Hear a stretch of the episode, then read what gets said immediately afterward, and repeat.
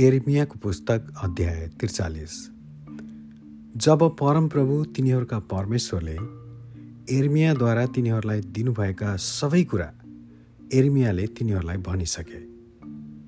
तर यो याका छोरा अजरिया र कार्याका छोरा यो नान र सबै हटी मानिसहरूले एर्मियालाई भने तिमीले झुट बोलिरहेका छौ।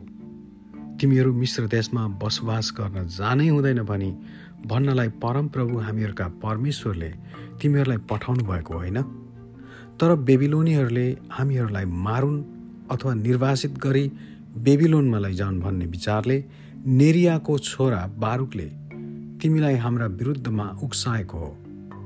यसैले कार्यका छोरा योनान र फौजका सबै अधिकृतहरू र अरू सबै मानिसहरूले यहुदा देशमा नै बस्नु भन्ने परमेश्वरको आज्ञा भङ्ग गरे। त्यसको सट्टा यहुदाका बाँकी रहेका जम्मै मानिसहरूलाई जो जाति जातिहरूका बीचमा तितर बितर भएर फेरि यहुदामा बस्नलाई फर्किआएका थिए। तिनीहरूलाई कार्याका छोरा युवानान र फौजका सबै अधिकृतहरूले लगे। पुरुषहरू स्त्रीहरू केटाकेटीहरू राजकुमारीहरू जसलाई राजकीय अङ्गरक्षकका सेनापति नबुजदारदानले सापानमा नाति अहिकामका छोरा गदलियाको हातमा सुम्पेका थिए। तिनीहरूलाई र एर्मिया अगमभक्ता र नेरियाका छोरा बारुकलाई पनि तिनीहरूले लगे। यसरी परमप्रभुको आज्ञा भङ्ग गरेर तिनीहरू मिश्र देशमा गए र तिनीहरू तपनसकामा पुगे। तहपनेसमा परमप्रभुको यो वचन एर्मिया कहाँ आयो।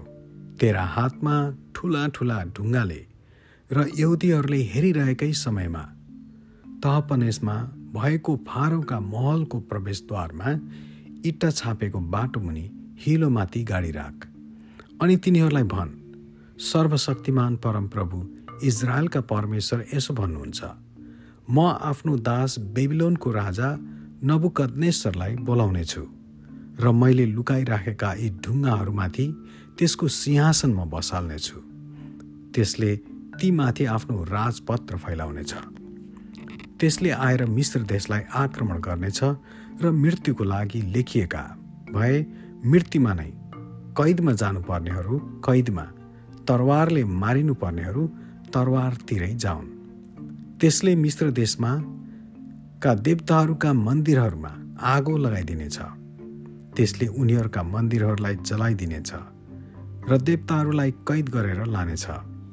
जसरी गोठालोले आफ्नो लुगा ओढ्छ त्यसरी नै त्यसले मिश्र देशलाई ओढ्नेछ र त्यो त्यहाँबाट केही हानि नभई फर्कनेछ त्यसले मिश्र दिनमा भएको सूर्यको मन्दिरका पवित्र खम्बाहरू भत्काइदिनेछ र मिश्र देशका देवताहरूका मन्दिरहरूमा आगो लगाइदिनेछ। आमेन।